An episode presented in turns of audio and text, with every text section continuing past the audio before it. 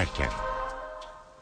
İyi akşamlar. NTV Radyo'da eve dönerken haberler başlıyor. Ben Nur Tuğba Algül. Türkiye ve dünyadan günün önemli gelişmeleriyle sizlerle birlikte olacağız. Öne çıkan haberlerin özetiyle başlıyoruz. Başbakan ve çocuklarına ait olduğu iddiasıyla internetten yayınlanan ses kayıtlarını inceleyen TÜBİTAK, Ankara Cumhuriyet Başsavcılığına gönderdiği bilirkişi raporunda kayıtlar montaj dedi. Diyarbakır'daki çalıştayda çözüm süreci konuşuluyor. Başbakan Yardımcısı Atalay yeni yol haritası gerektiriyorsa yasal düzenleme yapılacak. Bu yolun sonunda eve dönüşler, hayata dönüşler, siyasete dönüşler ve farklı bir Türkiye var dedi. İçişleri Bakanı Efkan Ala da çözüm sürecinde ikinci aşamaya geçildi. Artık somut adımlar atılacak mesajı verdi. Gazeteci Hrant Dink'in öldürülmesinde ihmal ya da kasıt sahibi olduğu iddia edilen dönemin vali yardımcısı, emniyet müdürü ve istihbarat müdürü dahil 9 kamu görevlisi hakkında verilen takipsizlik kararı kaldırıldı. Böylece 9 ismin yargılanmasının önü açıldı. 20 yaşındaki milli futbolcu Sedat Yüce Alanya'da dün arkadaşlarıyla girdiği denizde kayboldu. Milli futbolcuyu arama çalışmaları sürüyor. Sağnak yağışlar yurdun büyük bölümünde etkisini sürdürüyor. Çankırı'da sele kapılan baba iki çocuğundan birini kurtaramadı. Meteoroloji Zonguldak ve Antalya için uyarı yaptı. Özetleri aktardık. NTV Radyo'da eve dönerken haberler başlıyor.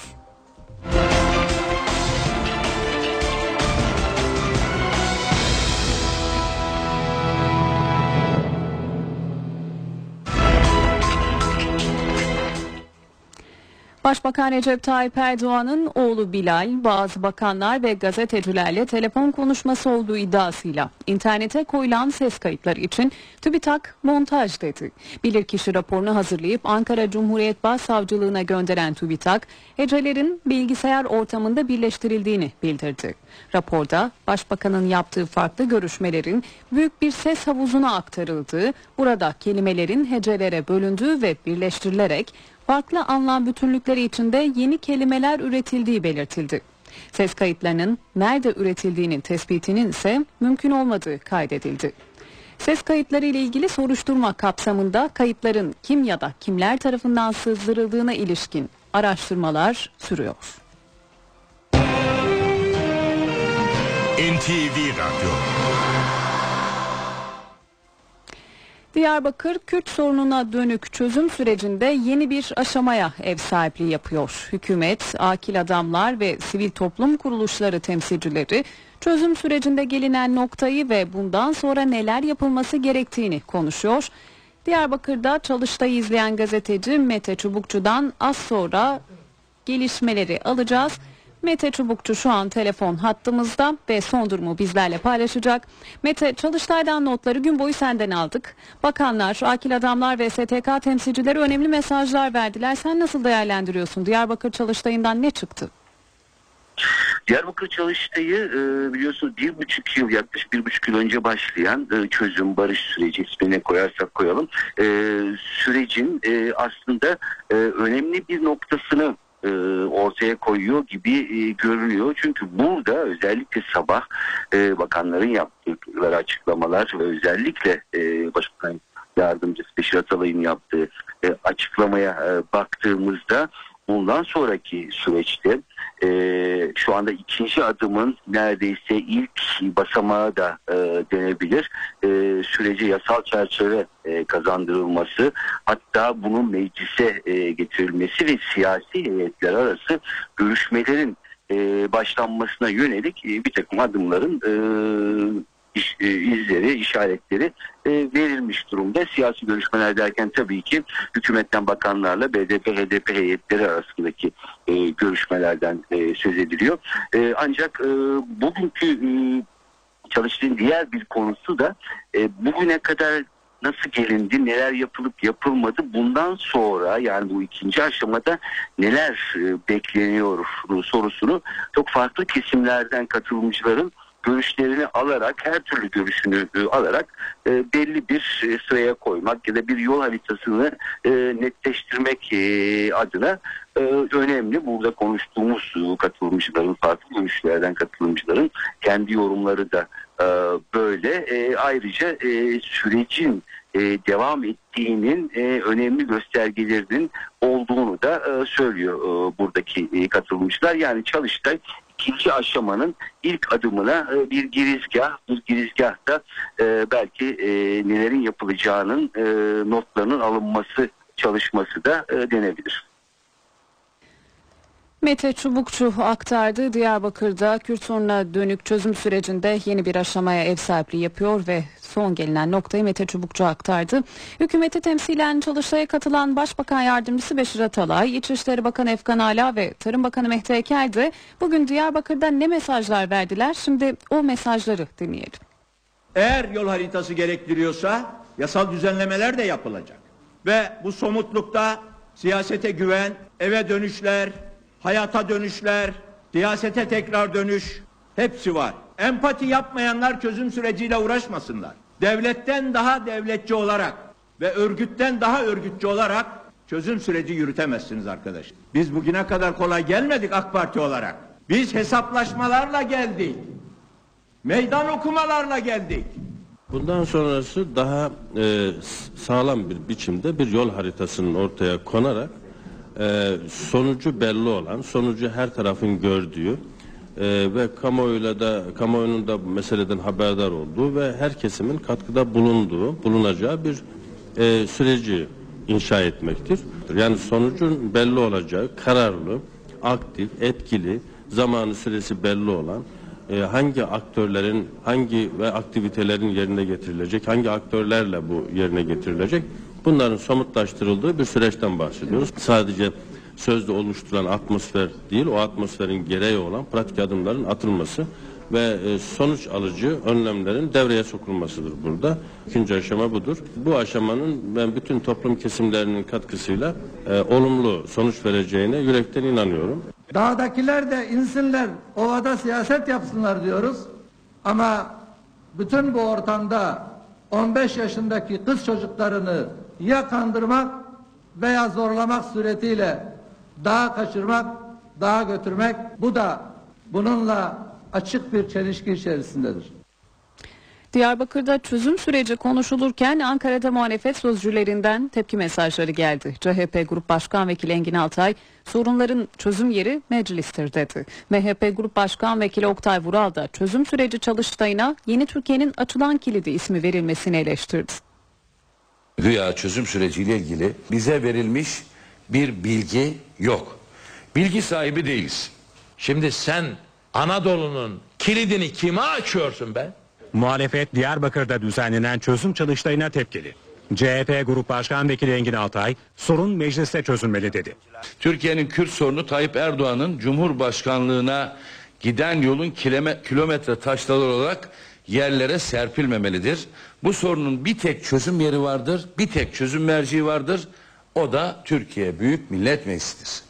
MHP Grup Başkan Vekili Oktay Vural ise çözüm süreci çalıştayına yeni Türkiye'nin açılan kilidi ismi verilmesine tepkiliydi. Bu çalıştayda kilit metaforunu kullanmışlar. Kilit bu vatanı, bu coğrafyayı vatan yapanların dışında, bu millete düşmanlık besleyenlerin dışındakilerin açabileceği bir kilittir. Onlara kapalıdır. Sen kimi dışarıda görüyorsun? Terör örgütünün kaçırdığı çocuklar da CHP ve MHP Grup Başkan Vekillerinin gündemindeydi. Bu çözüm süreci ne için olacaktı? Dağdan aşağıya insanları indirmek içindi. Ama geldiğimiz noktada bu süreç insanları dağdan indirmiyor. Bu süreç ilaveten insanları, çocukları, gençleri dağa çıkarıyor. Burada bir çelişik durum var. Kandil'de diyor, Hakkari'de çıkıyor. Yeni algı operasyonları mı gerçekleştiriyorlar? Gerçekten ilginç gelişmeler olmakta. BDP eş başkanı Selahattin Demirtaş çocukları dağa gittiği için eylem yapan ailelerin istihbarattan para aldıklarına dair bir açıklaması olmadığını söyledi. Tepkiler üzerine bugün yeni bir açıklama yapan Demirtaş ben öyle bir ifade kullanmadım dedi. Endişeli ailelerin taleplerini bir gün sonra KCK yetkililerine ilettiklerini de belirten Demirtaş çocukların serbest kalması için girişimlerin sürdüğünü söyledi. Genelkurmay Başkanlığı bugün Hakkari'de iki teröristin silahsız bir şekilde teslim olduğunu açıkladı. Genelkurmay'dan yapılan açıklamada ayrıca Diyarbakır'da jandarma karakoluna erzak taşıyan sivil bir kamyonetin teröristlerce yakıldığı bildirildi. Açıklamada kamyonetin jandarma karakoluna erzak taşıdığı gerekçesiyle bir grup örgüt mensubu tarafından yağmalandığı ve yakıldığı belirtildi. Olayla ilgili Dicle Cumhuriyet Savcılığı tarafından inceleme başlatıldı. Eve dönerken haberlere şimdi kısa bir ara veriyoruz ardından devam edeceğiz. Eve dönerken devam ediyor. Saat 17.17 17, eve dönerken haberler devam ediyor. Gazeteci Hrant Dink'in öldürülmesi davasında önemli bir gelişme var. Cinayette ihmal ya da kasıt sahibi olduğu iddia edilen 9 kamu görevlisi hakkında verilen takipsizlik kararı kaldırıldı. Bu kamu görevlileri arasında dönemin İstanbul Emniyet Müdürü Celalettin Cerrah, İstanbul Vali Yardımcısı Ergun Güngör ve dönemin İstihbarat Şube Müdürü Ahmet İlhan Güler de var. Dink ailesinin avukatları kamu görevlileri hakkındaki takipsizlik kararının kaldırılması için Bakırköy 8. Ağır Ceza Mahkemesi'ne başvurmuştu. Karar cinayette ihmali ve sorumluluğu olduğu iddia edilen polis ve devlet görevlileri hakkında soruşturma açılabileceği anlamına geliyor. Yargıtay ilgisiz kişi için dinleme kararı olmasa bile tape delil olabilir dedi. Telekulağın kapsamı genişledi. Artık hakkında dinleme kararı olmayanlar da mahkeme kararıyla dinlenen kişilerle yaptıkları görüşmeler nedeniyle ceza alabilecek. Yargıtay Ceza Kurulu dinlemelerin yargılamalarda kanıt sayılması ile ilgili önemli bir karara imza attı. Hakkında dinleme kararı bulunan kişiyle dinleme kararı bulunmayan kardeşi arasındaki görüşmelerin delil olarak sayılmasına karar verdi. Bu kararla teknik takipteki biriyle görüşenlerin cezalandırılmasının önü açıldı. İstanbul polisi bir uyuşturucu soruşturmasında Van'da yaşayan CE hakkında telefon dinleme kararı aldı. CE'nin kardeşiyle yaptığı telefon görüşmelerinden Van'dan İstanbul'a uyuşturucu getirerek piyasaya sürecekleri sonucuna ulaşan polis CE'yi ve kardeşini gözaltına aldı. Bakırköy 2. Ağır Ceza Mahkemesi'nde dinleme kayıtlarını delil sayarak iki kardeşi uyuşturucu madde ticareti yapmak suçundan 6 yıl 3'er ay hapse mahkum etti. Temyiz edilen kararı Yargıtay 10. Ceza Dairesi diğer kardeş hakkında dinleme kararı bulunmadığı gerekçesiyle bozdu. Bozma kararına itiraz eden Yargıtay Başsavcılığı mahkeme kararıyla elde edilen delilin diğer sanıklar için değerlendirilemeyeceği yönünde mevzuatta bir hüküm bulunmadığını savundu. Başsavcılığın itirazı üzerine dosya Yargıtay Ceza Genel Kurulu'na geldi. Genel Kurul başsavcılığın itirazını kabul etti. Bu karardan sonra hakkında dinleme kararı olmayan kişiler de mahkeme kararıyla dinlenen kişilerle yaptıkları görüşmeler nedeniyle ceza alabilecek. Avrupa İnsan Hakları Mahkemesi'nin Türk yargıcı Işıl Karakaş, NTV temsilcisi Kayhan Karaca'nın sorularını yanıtladı. Karakaş, Türkiye'den son yıllarda açılan davaların azaldığını belirtti. Ancak yürüyüş yasakları, polisin orantısız güç kullanması ve ifade özgürlüğüne dönük sınırlamalar Türkiye'nin imajını olumsuz etkiliyor dedi. 2014 yılında ilk 6 ayda diyebilirim ki 600 sadece başvuru geldi önümüze ki bunların bir kısmı gene e, kabul edilemez bulup geri gönderilecek. İç hukuk yolları tüketilmediği için. Avrupa İnsan Hakları Mahkemesi'ndeki Türk yargıç Işıl Karakaş, Türkiye'den Avrupa İnsan Hakları Mahkemesi'ne yapılan başvurularda azalma olduğuna dikkat çekti. Bunda uzun yargılamalarla ilgili tazminat komisyonu oluşturulmasının ve Anayasa Mahkemesi'ne bireysel başvuru hakkı tanınmasının etkili olduğuna vurgu yapan Karakaş, Avrupa İnsan Hakları Mahkemesi'ndeki 4000 dosyanın Türkiye'ye gönderildiğini kaydetti. Karakaş bununla birlikte belli konularda başvuruların sürdüğünü belirtti. Yaşam hakkına ilişkin çok fazla bir e, sorunumuz artık olduğunu görmüyoruz. Böyle bir şey yok ama kötü muamele hala devam ediyor. Yani bu konuda sıfırlanmadık. Başvurular var. Bunlar bizim öncelikli davalarımız zaten. Öncelikle bunlara bakıyoruz. Gene 6. madde dediğimiz yani adil yargılanmaya ilişkin olarak davalar gene esas ağırlığı oluşturuyor. Ee, gene mülkiyet hakkına ilişkin davalar e, çoğunluğu oluşturuyor. Kamulaştırmadan kaynaklanan sorunlar var. İfade özgürlüğü ve basın özgürlüğü. İfade özgürlüğü ile ilgili davalarımız tabii zaten bu konuda Türkiye'den daha fazla davası olan ülke yok. Anayasa Mahkemesi'nin kararlarının Avrupa standartlarına uygun olması gerektiğini söyleyen Işıl Karakaş, Twitter ve YouTube kararlarını bu anlamda olumlu bulduklarını bildirdi. Gezi olaylarıyla ilgili başvuruların ancak iç hukuk yolları tüketildikten sonra dikkate alınabileceğini ifade eden Karakaş, gösterilerde kullanılan orantısız gücün Türkiye'nin Avrupa'daki imajına zarar verdiğinin altını çizdi. Toplantı ve gösteri yürüyüşleri meselesi ve buradaki polisin orantısız güç kullanması bu bugün bence Türkiye'nin imajı bu Avrupa'da. Türkiye'ye baktığınız zaman genelde elindeki e, copu havaya kaldırmış ya da gaz fişeğini bir şekilde doğrultmuş bir polis görüyorsunuz ve kaçışan insanlar ortalık toz duman içinde. Bunun için oluyor gösteri yürüyüşleri, toplantı ve gösteri yürüyüş hakkını kullanmak isteyen kişilere karşı olan orantısız bir davranış olarak ben de bunu böyle değerlendiriyorum. Kahramanmaraş Emniyet Müdürlüğü binasındaki atış poligonunda patlama meydana geldi. Patlama sonrası çıkan yangında 3'ü polis, 5 kişi yaralandı. Yaralılardan birinin durumu ağır. Patlama Emniyet Müdürlüğü'nün zemin katındaki atış poligonunda meydana geldi. Patlama sonrası çıkan yangın itfaiye tarafından söndürüldü. Kahramanmaraş valisi Şükrü Kocatepe patlamanın atış poligonundaki bir arızayı gidermek için yapılan çalışma sırasında barut gazının sıkışmasından kaynaklandığını söyledi. Konya Selçuk Üniversitesi'ndeki odasında öldürülen doçent Celalettin Öztürk'ün katil zanlısı Profesör Ahmet G'nin sorgusu sürerken sekreteri de cinayeti gizlemek suçundan gözaltına alındı. Hem profesörün hem de öldürülen doçentin evli olan sekretere ilgi duyduğu iddia edildi. Cinayetle ilgili Selçuk Üniversitesi Rektörlüğü de idari soruşturma başlattı. Çevre Mühendisliği Bölümü öğretim üyesi doçent Özdemir dün üniversitedeki odasında ölü bulunmuştu. Gözaltına alınan Kimya Mühendisliği Bölümü ana bilim dalı başkanı Profesör Ahmet G suçunu itiraf etmişti. Beyoğlu'nda bir çanta içinde bulunan kadın cesedinin sırrı çözüldü. Cesedin Suriye uyruklu Musaybe Almousa'ya ait olduğu tespit edildi. Cinayeti işleyen kişinin genç kadının 17 yaşındaki erkek kardeşi olduğu saptandı. Olayın ailesiyle birlikte İstanbul'a gelen kadının Suriye'de kalan eşi ve çocuklarının yanına gitmek istememesi yüzünden meydana geldiği belirtildi. Katil zanlısıyla cinayetin işlenmesine yardım eden iki kişi gözaltına alındı. Havuzda bir çocuk daha boğulmuş olarak bulundu. Bu kez Muğla yatağında 4 yaşındaki bir çocuk evin bahçesindeki süs havuzuna düşerek boğuldu. Güner ailesi komşularının evine misafirliğe gitmişti. Anne ve babasının yanından ayrılan 4 yaşındaki Hüseyin Efe Güner bahçede oyun oynamaya başladı. Aile bir süre sonra çocuğun kaybolduğunu fark etti. Bahçede yapılan aramalar sonucunda küçük çocuk 1 metre derinliğindeki süs havuzunun içinde bulundu.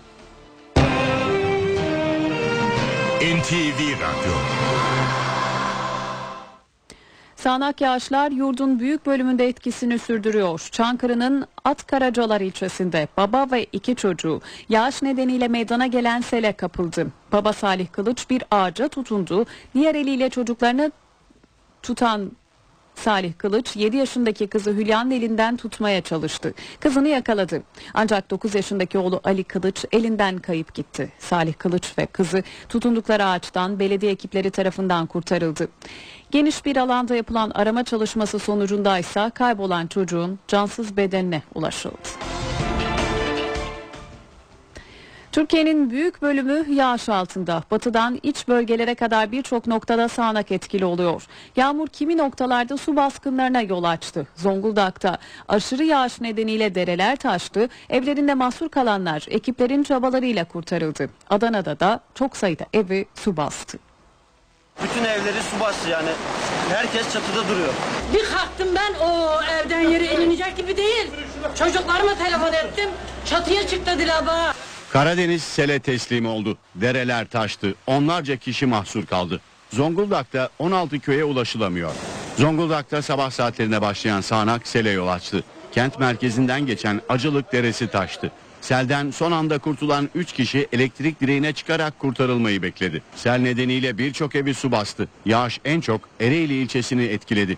5 köy su altında kaldı. Yollarda meydana gelen göçükler nedeniyle de 16 köye ulaşım sağlanamıyor. Sis ve yağış nedeniyle havadan ulaşım da sağlanamıyor. Özellikle Ereğli bölgesinde e, bir e, köyümüzde sıkıntı yaşadık. Çaylıoğlu köyümüzde.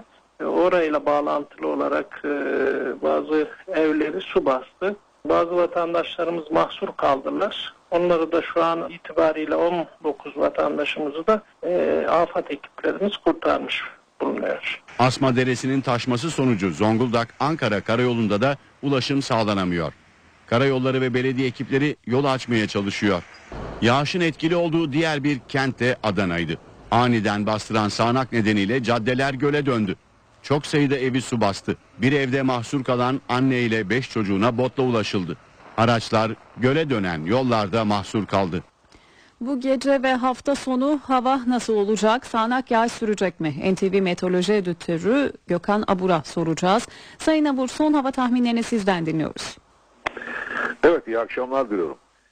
Trakya'da şu anda yağış etkisini kaybetti. Kıyı Ege'de yağış beklemiyoruz fakat iç kesimlerde yer yer kuvvetli olmak üzere özellikle Batı Karadeniz'in iç kesimlerinde Ankara'da Ankara'dan başlayarak e, Çanakkale, Karabük, Kastamonu arasındaki bölgede kuvvetli yağışlar şu an itibariyle devam ediyor ve bu yağışlar Samsun ve Giresun bölgesinde etkisi altına almış durumda. Aralıklarla bu gece devam edecek ve gece saatlerinde özellikle İç Anadolu bölgesinin kuzeyindeki Ankara buna dahil ve Batı Karadeniz bölgesindeki yağışların yer yer kuvvetli olarak devam etmesini bekliyoruz. Aynı şekilde şu an Akdeniz'in iç kesimlerinde yağış var. Ege'nin iç kesimlerindeki yağışlar aralıklarla etkili oluyor.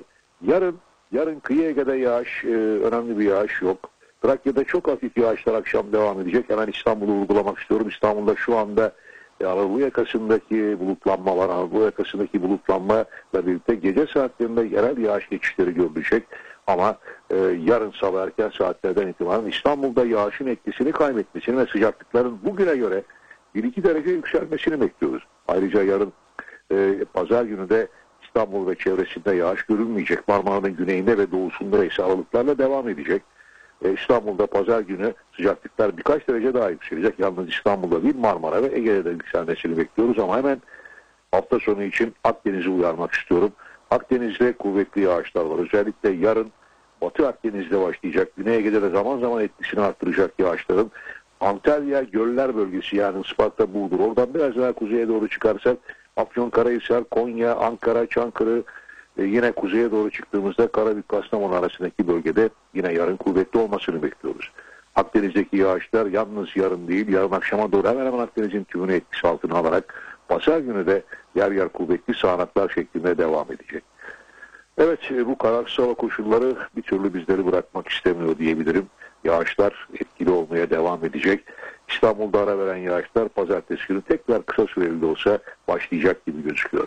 Bizleri hafta sonu bekleyen koşullar genellikle böyle tekrar vurguluyorum Akdeniz bölgesi hafta sonu için tedbirli ve dikkatli olsun.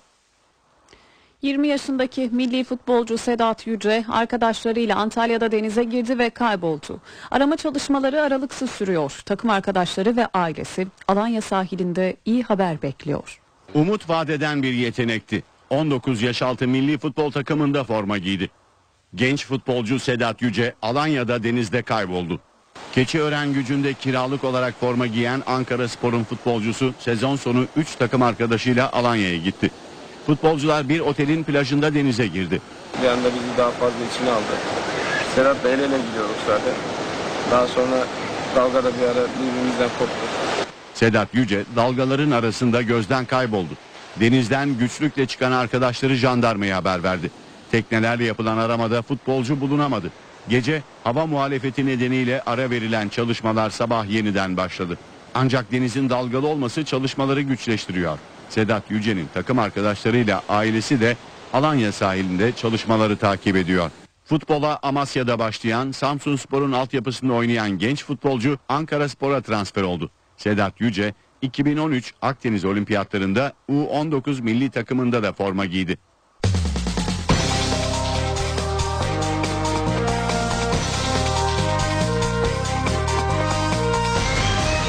Eve dönerken. Saat 17.30 NTV Radyo'da eve dönerken haberlere devam ediyoruz. Öne çıkan haberlerin satır başlarını hatırlatalım. TÜBİTAK, Başbakan Erdoğan'a ait olduğu iddia edilen internetteki ses kayıtlarının montaj olduğunu tespit etti. Ortaköy Camii 3 yıl süren tadilatın ardından bugün hizmete açıldı. Başbakan konuşması sırasında bir vatandaşın Ayasofya açılsın talebine yan tarafta Sultanahmet var. Önce orayı bir dolduralım ondan sonra gerisi gelir karşılığını verdi. İkinci Dünya Savaşı'nın kaderini belirleyen Normandiya çıkarmasının 70. yılı törenle anılıyor. Törende ABD Başkanı Barack Obama ve Rusya Devlet Başkanı Vladimir Putin Ukrayna krizi sonrası ilk kez görüştü.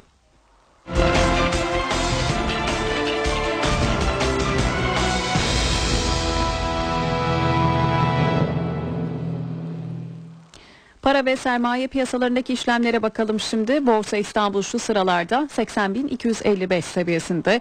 Serbest piyasada dolar 2 lira 08 kuruş, euro 2.83'ten işlem görüyor.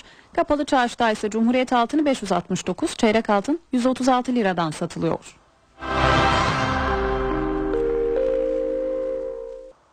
Eve dönerken haberleri şimdi kısa bir ara veriyoruz ardından devam edeceğiz. Eve dönerken devam ediyor.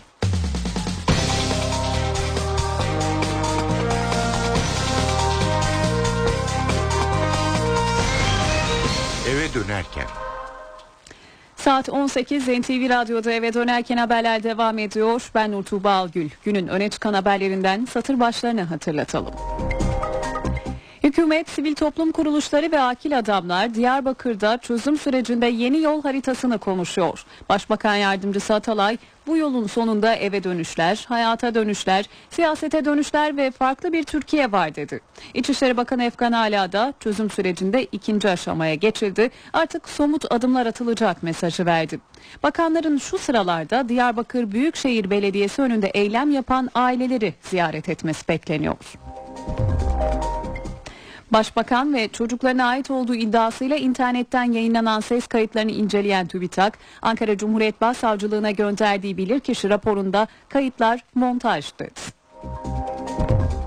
Gazeteci Hrant Dink'in öldürülmesinde ihmal ya da kasıt sahibi olduğu iddia edilen dönemin vali yardımcısı, emniyet müdürü ve istihbarat müdürü dahil 9 kamu görevlisi hakkında verilen takipsizlik kararı kaldırıldı.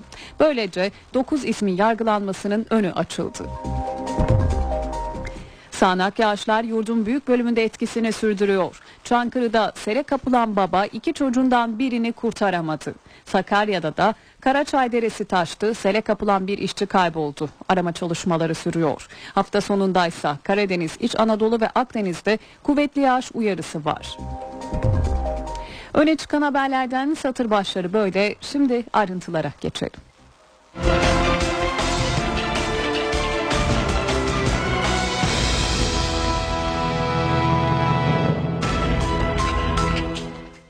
Diyarbakır bugün çözüm süreciyle ilgili çalıştaya ev sahipliği yaptı. Hükümet, akil adamlar ve sivil toplum kuruluşlarının temsilcileri sürecin geldiği nokta ve yapılması gerekenleri gün boyunca tartıştı. Başbakan Yardımcısı Beşir Atalay ve İçişleri Bakanı Efkan Ala'dan önemli mesajlar geldi. Atalay ve Ala önümüzdeki dakikalardaysa PKK tarafından kaçırıldığı iddia edilen çocukların annelerini ziyaret edecek. Ayrıntıları NTV Bölge Temsilcisi Nizamettin Kaplan'dan alıyoruz. Nizam Yeni Türkiye'nin açılan kilidi çözüm süreci çalıştayı Diyarbakır'da başladı. Bugün gün boyu devam etti. Sabahki bölümde 3 e, bakan konuştu hükümet adına. E, İçişleri Bakanı, Gıda Tarım ve Hayvancılık Bakanı e, ve Başbakan Yardımcısı Beşir Atalay söz aldı. Beşir Atalay e, özellikle çözüm süreciyle ilgili e, e, yeni mesajlar verdi. Yeni bir yol haritası üzerinde çalışıyoruz dedi e, bu yol haritasının daha somut, daha zamanlı, periyodu belli bir e, yol haritası olacağını belirtti. Yine sonuca götürücü olacak dedi ve yasal düzenlemeler de yapılarak meclise de götürülecek bu yol haritası dedi. E, Beşir Atalay e, bunun dışında samimiyetten söz etti. Tarafların bu sorunu çözerken samimi olması gerektiğini belirtti. Ve daha sonra e, Çalıştay basına kapalı olarak e, devam etti. Beşir Atalay tabi e, sözlerini yine Diyarbakır Büyükşehir Belediyesi önünde e, eylem yapan ve çocukları dağda olan annelere getirdi. E, anneler olayının e, tesadüf e, olmadığını, gecikmiş toplumsal bir tepki olduğunu söyledi. E, ve bu sahip çıkma, annelerin bu sahip çıkma olayını, çocuklarına sahip çıkma olayını bir devrim olarak değerlendirdi. E, Çalıştay'a akademisyen 6 uzman 4 STK temsilcisi 9 medya mensubu ve bir de DTK Demokratik Toplum Kongresi temsilcisi katıldı.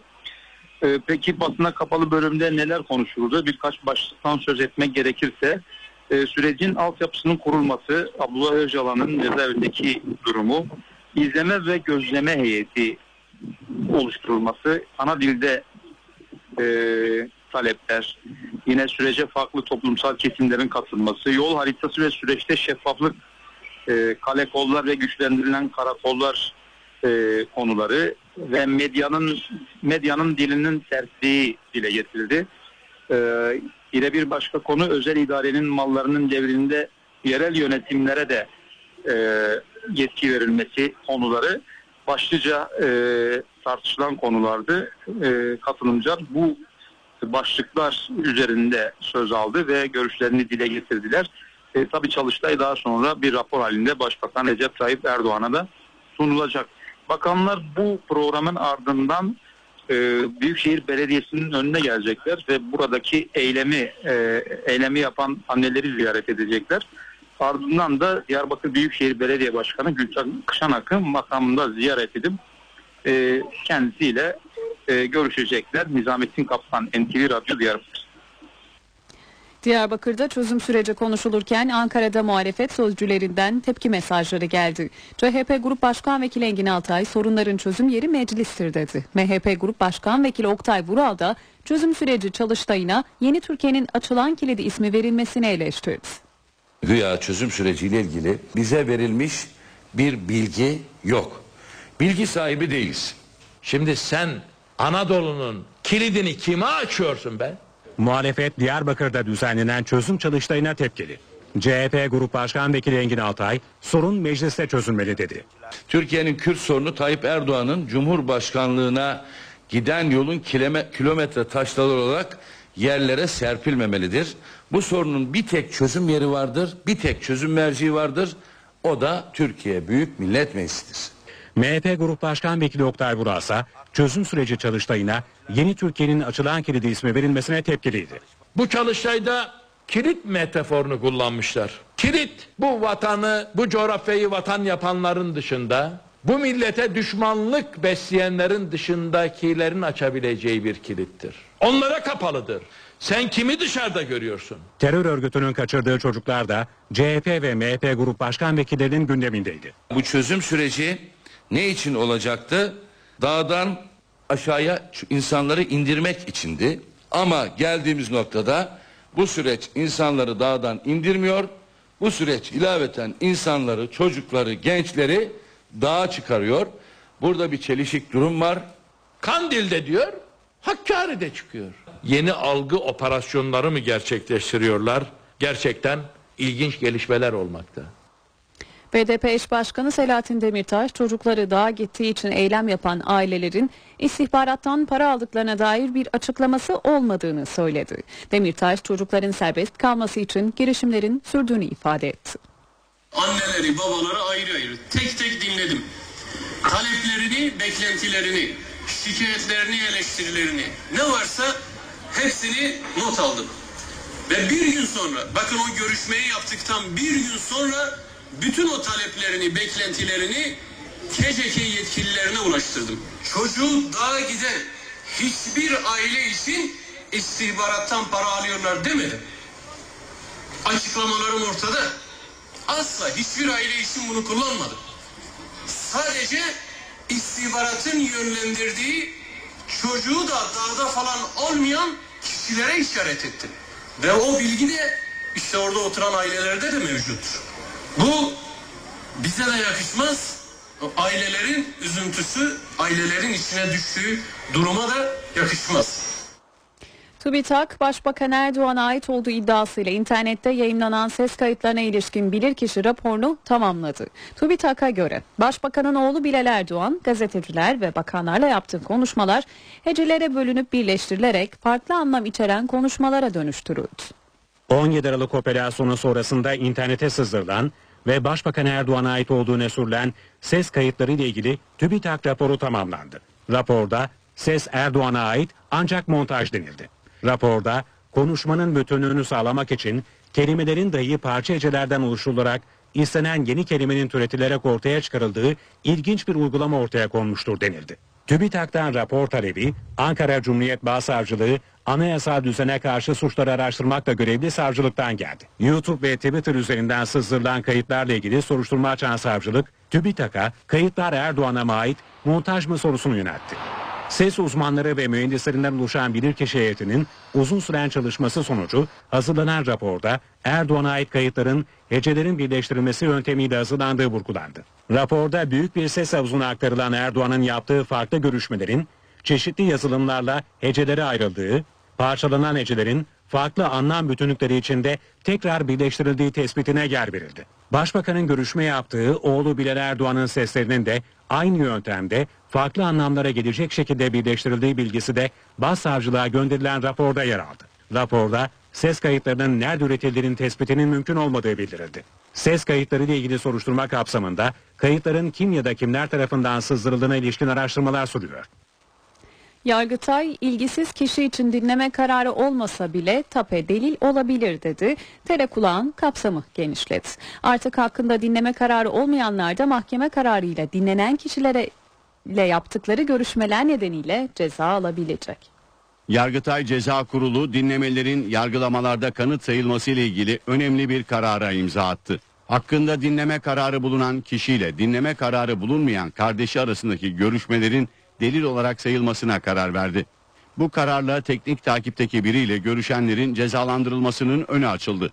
İstanbul polisi bir uyuşturucu soruşturmasında Van'da yaşayan CE hakkında telefon dinleme kararı aldı. CE'nin kardeşiyle yaptığı telefon görüşmelerinden Van'dan İstanbul'a uyuşturucu getirerek piyasaya sürecekleri sonucuna ulaşan polis CE'yi ve kardeşini gözaltına aldı.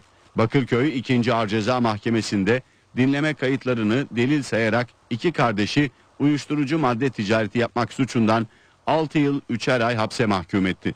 Temyiz edilen kararı Yargıtay 10. Ceza Dairesi diğer kardeş hakkında dinleme kararı bulunmadığı gerekçesiyle bozdu. Bozma kararına itiraz eden Yargıtay Başsavcılığı mahkeme kararıyla elde edilen delilin diğer sanıklar için değerlendirilemeyeceği yönünde mevzuatta bir hüküm bulunmadığını savundu. Başsavcılığın itirazı üzerine dosya Yargıtay Ceza Genel Kurulu'na geldi. Genel Kurul başsavcılığın itirazını kabul etti.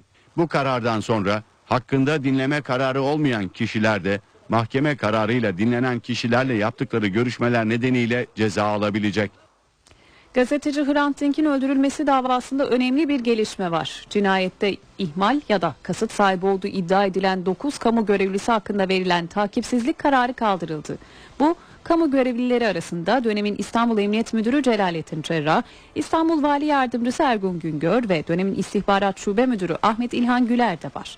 Dink ailesinin avukatları kamu görevlileri hakkındaki takipsizlik kararının kaldırılması için Bakırköy 8. Ağır Ceza Mahkemesi'ne başvurmuştu. Karar cinayette ihmali ve sorumluluğu olduğu iddia edilen polis ve devlet görevlileri hakkında soruşturma açılabileceği anlamına geliyor. İstanbul'da 2 yıl önce alışveriş merkezi şantiyesindeki çadırlarda yangın çıkmış 11 işçi hayatını kaybetmişti. Olayla ilgili hazırlanan bilirkişi raporunda yangında hayatını kaybeden 11 işçi kusurlu bulundu. Kaldıkları çadırın giriş kapısının yanına sünger yatakları istiflediler. Giriş çıkışı engellediler ve kendi ölümlerine yol açtılar. Bu tespitler Esenyurt'ta alışveriş merkezi şantiyesindeki çadırlarda çıkan yangında 11 işçinin hayatını kaybettiği olayla ilgili. Bakırköy 4. Ağır Ceza Mahkemesi'nde görülen davada mahkemeye ulaşan ikinci bilirkişi raporu okundu. Hayatını kaybeden 11 işçi kendi ölümlerinde tarihi kusurlu gösterildi. Raporda sünger yatakları kapı ağzındaki ranzo üzerine istifleyerek tabana dek yığmışlar. Dolayısıyla çadır giriş çıkışını zorlaştırmışlardır. Kapı ağzına yanıcı sünger yatakları yığmakla can güvenliklerini tehlikeye atmışlardır ve akabinde de canlarından olmuşlardır ifadeleri yer aldı. Acımızı yaşatmıyorlar bile. 12 duruşma olmasına rağmen hiçbir sorumlu hala tutuklanmadı. Raporda facianın asıl nedeninin Sahra çadırı denilen işçi koğuşunun güvenli olmaması gösterildi. Çadırın tek giriş çıkış kapısının olması kabul edilemez sayılırken kolaylıkla tutuşan naylon plastikle kaplanmış olması da güvenlik ihlalinin delili kabul edildi. Bu gerekçelerle inşaat şirketi de kusurlu bulundu. 2012 yılının Mart ayında 11 işçi İstanbul'daki bir alışveriş merkezi şantiyesinde çıkan yangında hayatını kaybetmişti. Eve dönerken haberleri kısa bir ara veriyoruz ardından devam edeceğiz. Eve dönerken devam ediyor. Saat 18.20 eve dönerken haberler devam ediyor. Sağanak yağışlar yurdun büyük bölümünde etkisini sürdürüyor. Çankırı'nın At Karacalar ilçesinde baba ve iki çocuğu yağış nedeniyle meydana gelen sele kapıldı. Baba Salih Kılıç bir ağaca tutundu. Diğer eliyle çocuklarını tutarak kurtulan Salih Kılıç 7 yaşındaki kızı Hülya'nın elinden tutmaya çalıştı. Kızını yakaladı. Ancak 9 yaşındaki oğlu Ali Kılıç elinden kayıp gitti. Salih Kılıç ve kızı tutundukları ağaçtan belediye ekipleri tarafından kurtarıldı. Geniş bir alanda yapılan arama çalışması sonucundaysa kaybolan çocuğun cansız bedenine ulaşıldı. Sakarya'nın Geyve ilçesinde ise Karaçay Deresi taştı. Dere kenarındaki tavuk çiftliğinden sulara kapılan 3 işçi kurtarıldı. Bir işçi ise kayboldu. Türkiye'nin büyük bölümü sağanak yağış etkisinde. Zonguldak'ta dereler taştı. Evlerinde mahsur kalanlar ekiplerin çabalarıyla kurtarıldı. Adana'da da çok sayıda evi su bastı. Bütün evleri su bastı yani. Herkes çatıda duruyor. Bir kalktım ben o evden yere elinecek gibi değil. Çocuklarıma telefon ettim. Çatıya çık dediler bana. Karadeniz sele teslim oldu. Dereler taştı. Onlarca kişi mahsur kaldı. Zonguldak'ta 16 köye ulaşılamıyor.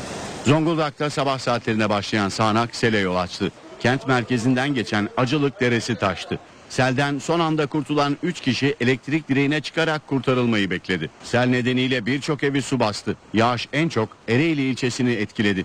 5 köy su altında kaldı. Yollarda meydana gelen göçükler nedeniyle de 16 köye ulaşım sağlanamıyor. Sis ve yağış nedeniyle havadan ulaşım da sağlanamıyor. Özellikle Ereğli bölgesinde e, bir e, köyümüzde sıkıntı yaşadık. Çaylıoğlu köyümüzde.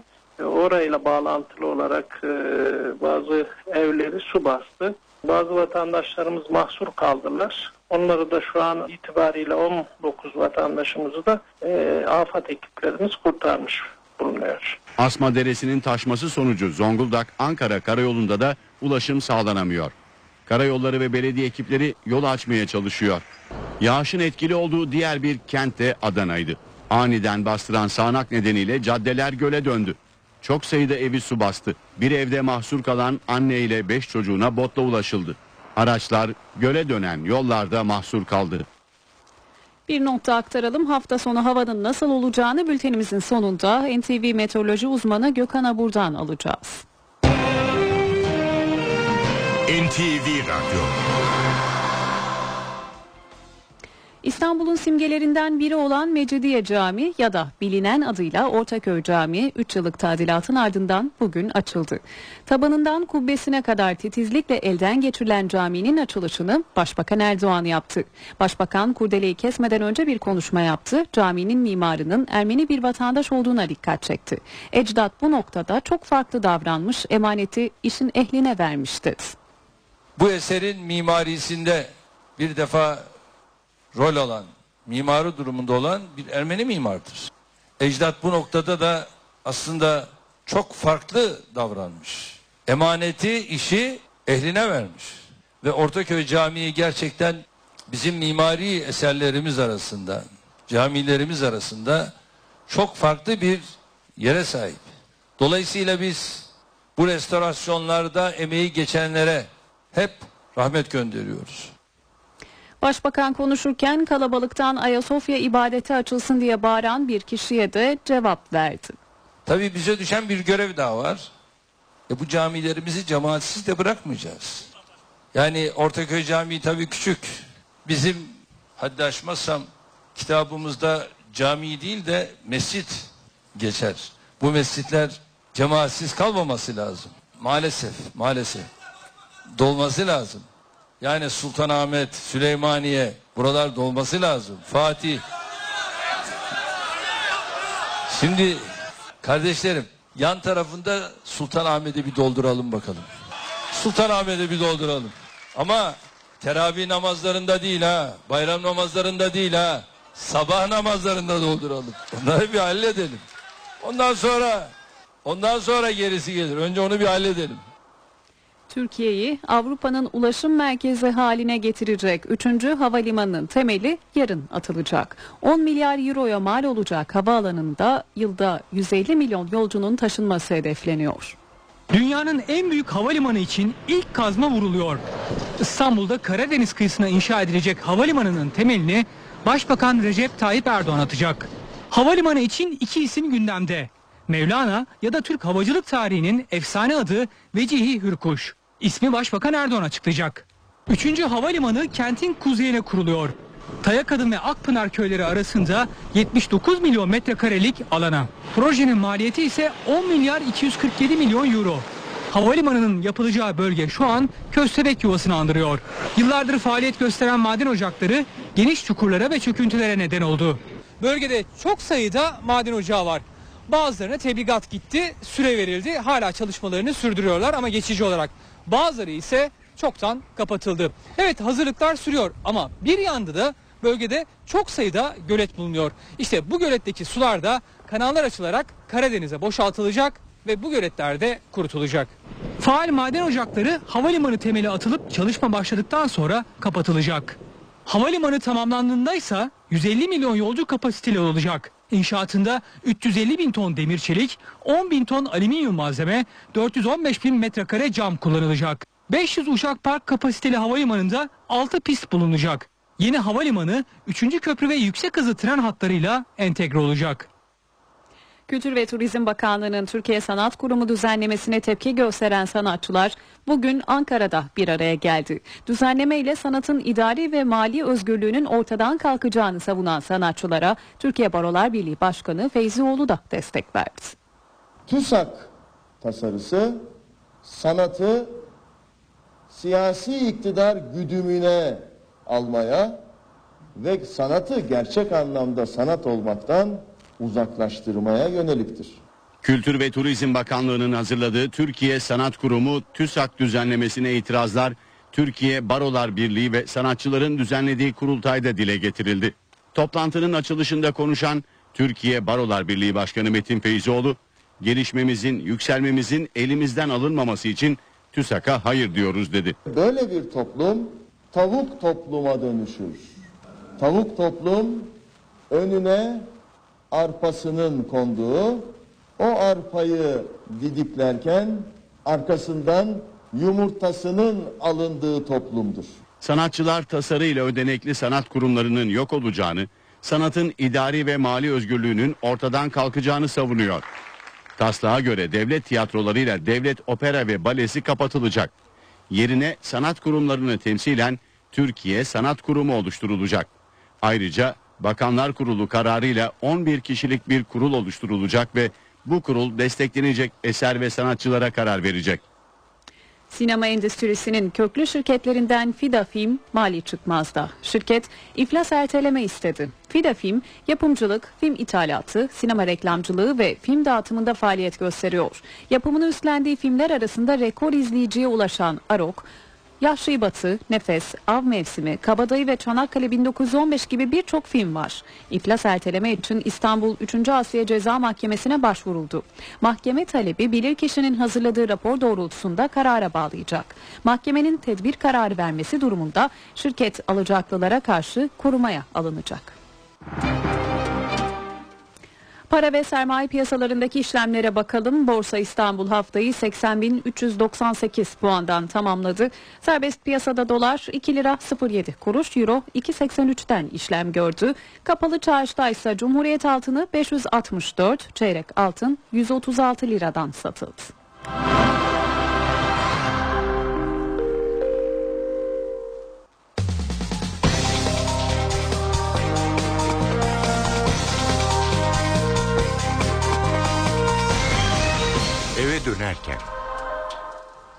Saat 18.30 öne çıkan haberlerin satır başlarını hatırlatalım.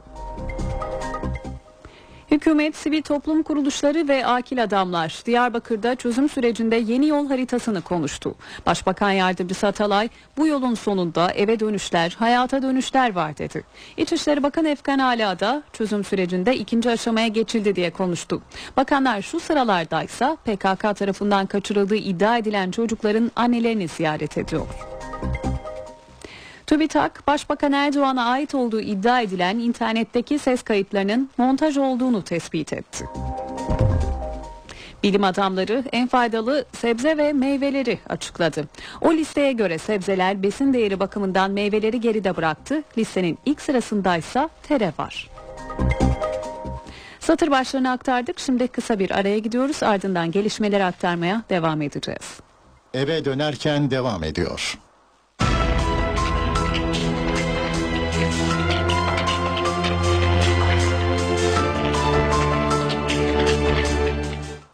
Saat 18.38 eve dönerken haberler devam ediyor. İtalya'da sahil güvenlik ekipleri son 24 saatte Akdeniz'de 2500 kaçak göçmeni kurtardı. Yılın ilk 6 ayındaysa İtalya'ya giden kaçak göçmen sayısının 40 bini bulduğu belirtiliyor. İtalya kaçak göçmen akınıyla mücadele edebilmek için Avrupa Birliği'nden yardım istedi. İkinci Dünya Savaşı'nın kaderini değiştiren Normandiya çıkarmasının 70. yılı törenle kutlanıyor. Müttefikleri Nazi Almanyası karşısında zafere taşıyan Normandiya çıkartmasının Fransa'daki alma törenlerine 19 ülkenin devlet ve hükümet başkanları katılıyor. Gözler Ukrayna krizi nedeniyle karşı karşıya gelen Obama ve Putin'de. Ayrıntıları NTV temsilcisi Kayhan Karaca'dan alacağız. Kayhan sözü sana bırakıyoruz. Evet, İkinci Dünya Savaşı'nın e, sona erişine ön ayak olan e, Normandiya çıkarmasının 70. yıl dönümü Ukrayna krizinin çözüm yolunu da açıyor olabilir. ABD ve Rusya e, liderleri Barack Obama ve Vladimir Putin çıkarmayı anma törenleri için bugün Normandiya bölgesindeler.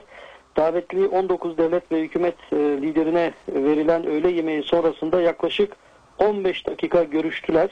İki lider Ukrayna krizinin başlangıcından bu yana görüşmemişti. Hatta medya aracılığıyla birbirlerine sert mesajlar göndermekteydiler son haftalarda. Bu mesajlar bu mesajlar e, yeni bir e, soğuk savaşın işaretçisi olarak dahi gösterilmekteydi. Kriz bitmiş sayılmaz ancak bitmesi için ilk adım atıldı diyebiliriz. E, görüşme Beyaz Saray tarafından da doğrulandı. Ancak içeriği konusunda bilgi verilmiş değil tam olarak. Fakat iki liderin Ukrayna konusunu konuşmamış olmalarına kimse inanmak istemiyor. Bu konu mutlaka gündeme geldi deniyor ikisi arasında. Vladimir Putin iki, iki gün önce bir e, Fransız televizyonla yaptığı açıklamada Ukrayna konusunda ABD'yi yalancılıkla suçlamakla birlikte Barack Obama ile görüşmeye hazır olduğunu söylemişti. Ben görüşme yanlısıyım, kendisi benimle görüşmeyi reddediyor şeklinde bir ifade kullanmıştı. Obama ise dün e, Putin'le olası bir görüşme öncesinde Rusya liderinin Ukrayna'nın yeni seçilen devlet başkanı Petro Poroshenko ile görüşmesi gerektiğini söylemişti. Yani Kiev'deki yeni yönetimi tanımaya başladığını e, gösteren bir e, sinyal vermesini istemişti Rusya liderinden. İşte o adımda e, bu sinyalde bugün Putin-Obama görüşmesinden hemen önce geldi. Vladimir Putin ile Petro Poroshenko yemeğin hemen öncesinde, öğle yemeğinin hemen öncesinde bir araya geldiler. Bu görüşmenin de yaklaşık 15 dakika sürdüğü belirtiliyor. Bu görüşmede de önce e, Fransız Cumhurbaşkanlığı, e, bu görüşmede önce Fransa Cumhurbaşkanlığı sarayı, ardından da Moskova'dan e, Kremlin tarafından doğrulandı. Kremlin, Kremlin tarafından yapılan açıklamada Putin ve Poroshenko'nun e, Ukrayna'nın doğusunda tüm taraflara çatışmalara son verme ve ateşkes çağrısında bulunma e, bulunduk çağrısına bulundukları bildirildi. Putin e, Poroshenko görüşmesinin mimarları e, Fransa Cumhurbaşkanı Hollande ile Almanya Başbakanı Angela Merkel oldu. Bunun da altını çizeyim. E, bu iki lider e, dün e, Putin e, Poroshenko görüşmesine görüşmesinde hazır bulundular. Bu da teyit edilmiş durumda. E, hemen hatırlatmakta fayda var. E, Hollande dün akşam Merkel de bu sabah Putin ile ayrı ayrı görüştüler. Fransız ve Alman kaynakları e, Ukrayna'da ateşkes konusunda önümüzdeki günlerde yeni gelişmeler e, yaşanabileceğini söylüyorlar. Bu gelişmeler, görüşme, bugün yapılan görüşmeler e, Putin e, görüşmesi olsun, Putin Poroshenko görüşmesi olsun çok hassas ve kırılgan bir ilerleme olarak tanımlanmakta kulislerde. Fakat ateşkes gerçekleşir ve Ukrayna'nın e, doğusunda e, durum normale dönmeye başlarsa Fransız-Alman öncülüğündeki Avrupa diplomasisi adına önemli bir adım atılmış olacak yorumları da yapılmakta. Anma törenlerine gelince kısaca e, törenlerin en önemli bölümü birkaç dakika önce son buldu. 19 ülkenin devlet ve hükümet liderleri çıkarmanın yapıldığı plajlardan birinde özel kurulmuş e, dev bir sahnede önce Fransa Cumhurbaşkanı e, Hollande'ı dinlediler. Ardından da Normandiya çıkarmasını canlandıran 45 dakikalık bir gösteri izlediler. gösteriyi liderlerin yanı sıra Normandiya çıkarmasına katılmış bin gazi asker ile yaklaşık 7 bin kişilik bir seyirci kitlesi de e, izledi. Hollanda konuşmasında çıkarmanın yapıldığı Normandiya plajlarının UNESCO'nun kültürel miras listesine dahil edilmesi çağrısında bulundu. Fransa Cumhurbaşkanı'nın konuşmasının bir diğer e, önemli noktası da Sovyet ordularına, dönemin Sovyet ordularına ve yani Kızıl Ordu'ya e, minnet borçları olduğunu söylemiş olması oldu. Sovyet orduları olmasaydı Nazilere karşı zafer mümkün olamazdı ifadelerini kullandı Fransa Cumhurbaşkanı. NTV temsilcisi Kayhan Karaca aktardı.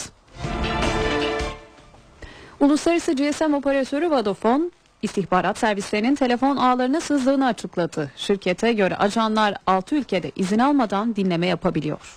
İstihbarat servisleri telefon ağlarına sızıyor. Açıklama 29 ülkede faaliyet gösteren telekomünikasyon devi Vodafone'dan geldi.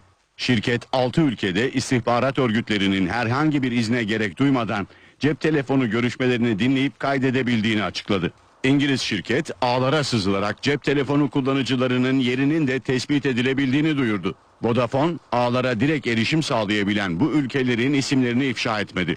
Diğer ülkelerde ise yasal talep yoluyla dinleme yapıldığı belirtildi. Vodafone'un raporuna göre geçtiğimiz yıl İtalya'da 600 bin, İspanya'da 48 bin telefon görüşmesine ait bilgi talebinde bulunuldu. Türkiye'nin de aralarında olduğu 9 ülkeye ait veriler yerel yasalara aykırı olduğu gerekçesiyle açıklanmadı. Vodafone'un raporuna insan hakları örgütlerinin tepkisi gecikmedi. Örgütlerden ağlara direkt bağlantı hakkı veren sistemin kaldırılması çağrısı yapıldı.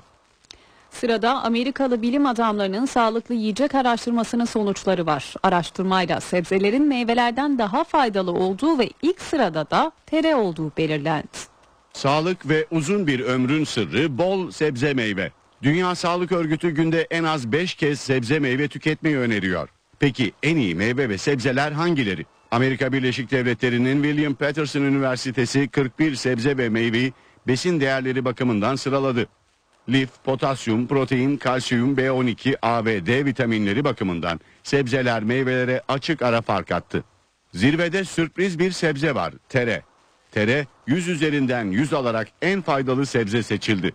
Tereyi Çin marulu, pazı, pancar yaprağı, ıspanak ve hindiba takip ediyor.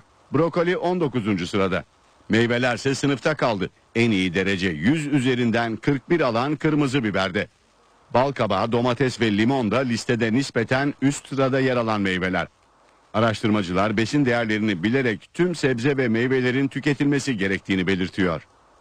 Türkiye Basketbol Ligi 2. liginin şampiyonu bugün belli oluyor. Birinci lig biletini alan Darüşşafaka Doğuş'la İstanbul Büyükşehir Belediyesi şampiyonluk kupası için karşı karşıya gelecek. Saat 19'da NTV Spor'dan canlı yayınlanacak maç öncesi. Abdi İpekçi Spor Salonu'ndan notları Pınar İlik aktaracak. Pınar seni dinliyoruz. Türkiye Basketbol 2. Liginde bugün final heyecanı yaşanacak. Şampiyon belli olacak. Ee, daha önceki maçlar sonunda İstanbul Büyükşehir Belediyesi ve Darüşşafaka Doğuş birinci lig biletini almışlardı. Bugün iki takım kupa için kozlarını paylaşacak. İki takımın bu maça nasıl geldiğini biraz hatırlayalım.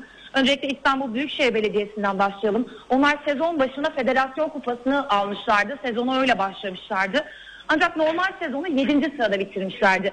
Playoff'larda ise çeyrek finalde e, ligin favori isimlerinden, favori takımlarından biri Ankara DSİ Era'yı elemişlerdi. 2-1 ile elemişlerdi. E, yarı finalde ise Aydan Pamukkale Üniversitesi'ne geçtiler. Onları da 3-1 ile geçtiler seride. E, iki maçta da iki seride de saha avantaj, avantajları olmadığını, deplasmanda aldıkları galibiyetlerle serilerden e, galip ayrıldıklarını söyleyebiliriz. Darüşşafaka Doğuş da normal sezonu lider olarak bitirmişti. E, çeyrek final karşılaşmasında final gençlik ile Bursa temsilcisi final gençlikle eşleşmişti. 2-0 ile geçmişti o seriyi. E, Yeşil Giresun Belediye ile eşleşmişti. Yarı finalde de yarı finaldeki ilk maçında evindeki ilk maçı kaybetmişti Darüşşafaka Doğuş. Ancak evindeki ikinci maçı ve seri Giresun'a döndükten sonra üçüncü ve dördüncü maçları alarak 3-1'lik bir seriyi kazandılar ve birincilik e, biletini aldılar. 4 yıl aradan sonra Darüşşafaka Doğuş birinci lige yükseldi. Bunu da hatırlatalım. İstanbul Büyükşehir Belediyesi Darüşşafaka Doğuş da az önce de söylediğim gibi birinci lige yükseldiler. Bugün kupa için mücadele edecekler. Saat 19'da başlayacak karşılaşma e, ve sonunda kupayı kazanan tek bir takım olacak. Bültenimizde aktardık. Sağanak yağmur neredeyse tüm Türkiye'de etkili oluyor. Yağışlar hafta sonunda etkisini azaltsa da yine devam edecek. Daha fazla ayrıntı için NTV Meteoroloji Editörü Gökhan Avur'un bilgisine başvuruyoruz. İyi akşamlar. Doğuda sıcaklıklar ortalamaları civarında olsa da serin ve yağışlı hava yurt genelinde etkisini sürdürüyor. Batıda sıcaklıklar yarın birkaç derece, pazar günü ise 3-4 derece birden yükselecek. Kararsız hava koşullarının oluşturduğu kuvvetli sağanaklar yer yer kuvvetli olmak üzere devam ediyor. Bu akşam Marmara'nın doğusu, Batı ve Orta Karadeniz, İç Anadolu'nun kuzeyi ve doğudaki yağışlar giderek kuvvetlenecek. Yarın Güneydoğu ve Kıyı Ege'de yağış beklemiyoruz. Yurdun diğer kesimlerinde ise yer yer kuvvetli olmak üzere etkisini sürdürecek. Yağışlar Antalya, Burdur, Isparta, Denizli, Konya, Ankara, Eskişehir, Bolu, Karabük arasında çok daha kuvvetli olacak. Güney Ege, Batı Akdeniz ve İç Anadolu'da daha kuvvetli olmak üzere yağışların pazar günü aralıklarla devam etmesini bekliyoruz. İstanbul'da yarın 4-5 ilçede yağış olasılığı var. Sıcaklık ise 23 derece olacak. Pazar günü ise yağış kesilecek ve hava parçalı bulutlu. Ankara'da hafta sonunda yağmur yer yer kuvvetli olarak yağmaya devam edecek. Sıcaklık ise 22 dereceyi geçemeyecek. İzmir'de yarın hava parçalı bulutlu. Sıcaklık 27 derece ama pazar günü tekrar yağış başlayacak. Hepinize iyi akşamlar ve iyi bir hafta sonu diliyorum. Hoşçakalın. Sırada sinema bülteni var. Bu hafta vizyona 9 yeni film giriyor. I like this one. He's tough. Bu hafta sinemalarda biri yerli 9 yeni film var. Working for a living. Working for a living? I gave my life for this country. Huh? Kardeşim için adlı gerilim filminde Christian Bale, Zoe Saldana, Woody Harrelson, Forrest Whitaker ve Willem Dafoe gibi ünlü oyuncular rol aldı. Filmin yapımcılığını da Leonardo DiCaprio üstlendi. Amerika Birleşik Devletleri ve İngiltere ortak yapımı film, küçük bir kasabada yaşayan iki kardeşin zorluklarla dolu hayatından bir kesit sunuyor. The government gave us carte blanche.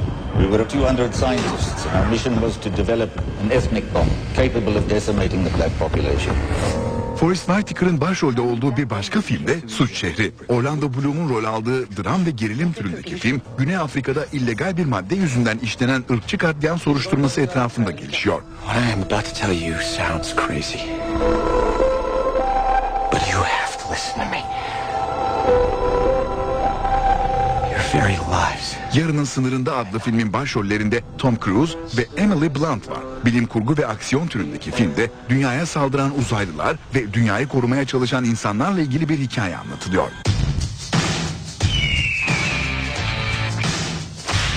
Oh, hey, look, it's the ice.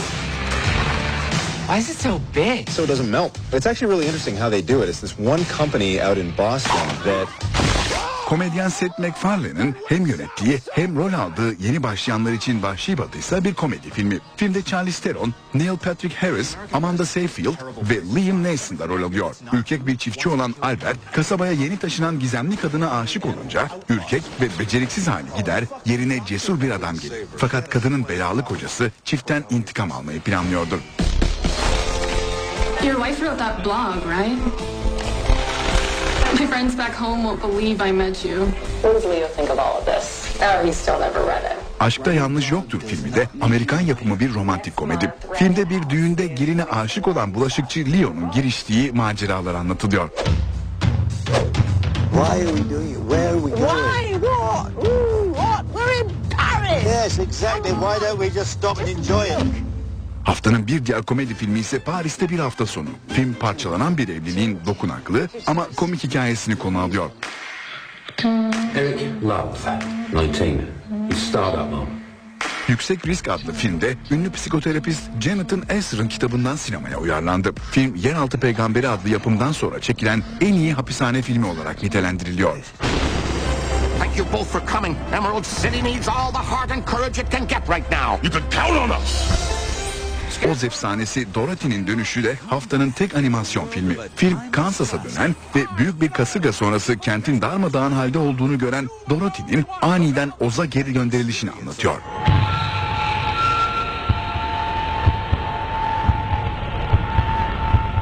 Haftanın tek yerli yapımı da Serkant Yaşar Kutlubay'ın yönettiği Tamaya İfrit adlı korku filmi. Filmde Su Bilgiç, Derya Aksu, Lamilla ile Nicole Kuzman rol alıyor. 1200 yıl önce etkisiz hale getirilmiş ifrit yani kötü bir cin olan Tamaya bir kolyenin içine hapsedilmiştir. Kolye bir baskın sonucu komiser Buket'in eline geçer. Korku dolu dakikalarda bundan sonra başlar ve ifrit serbest kalır. Eve dönerken haberlerin bu bölümünü noktalıyoruz. Saatler 19'u gösterdiğinde gelişmeleri aktarmaya devam edeceğiz. Eve dönerken devam ediyor.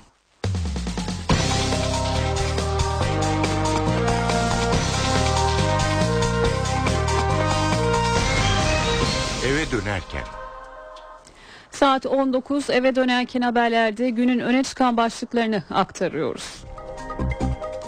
Başbakanlık Afet ve Acil Durum Yönetim Başkanlığı AFAD yağışlar nedeniyle alarma geçti. AFAD Sakarya GV'de mahsur kalan 17 kişinin kurtarılması için Genelkurmay Başkanlığından helikopter desteği istedi. AFAD Zonguldak Merkez ve Ereğli'de selden dolayı mahsur kalan 26 kişiyi kurtardı. Sakarya'nın Akyazı, Hendek ve Karasu ilçelerinde mahsur kalanlar da paletli araçlar ve botlarla tahliye ediliyor. Hükümet, sivil toplum kuruluşları ve akil adamlar Diyarbakır'da çözüm sürecinde yeni yol haritasını konuştu. Başbakan Yardımcısı Atalay, bu yolun sonunda eve dönüşler, hayata dönüşler var dedi. İçişleri Bakanı Efkan Ala da çözüm sürecinde ikinci aşamaya geçildi diye konuştu. Bakanlar, çalıştay sonrasında PKK tarafından kaçırıldığı iddia edilen çocukların annelerini ziyaret etti. Eyleminizin arkasındayız mesajı verildi.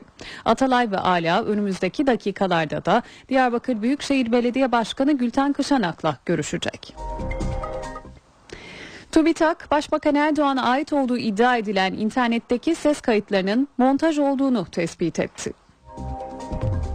Gazeteci Hrant Dink'in öldürülmesinde ihmal ya da kasıt sahibi olduğu iddia edilen dönemin 9 kamu görevlisi hakkında verilen takipsizlik kararı kaldırıldı. Böylece 9 ismin yargılanmasının önü açıldı.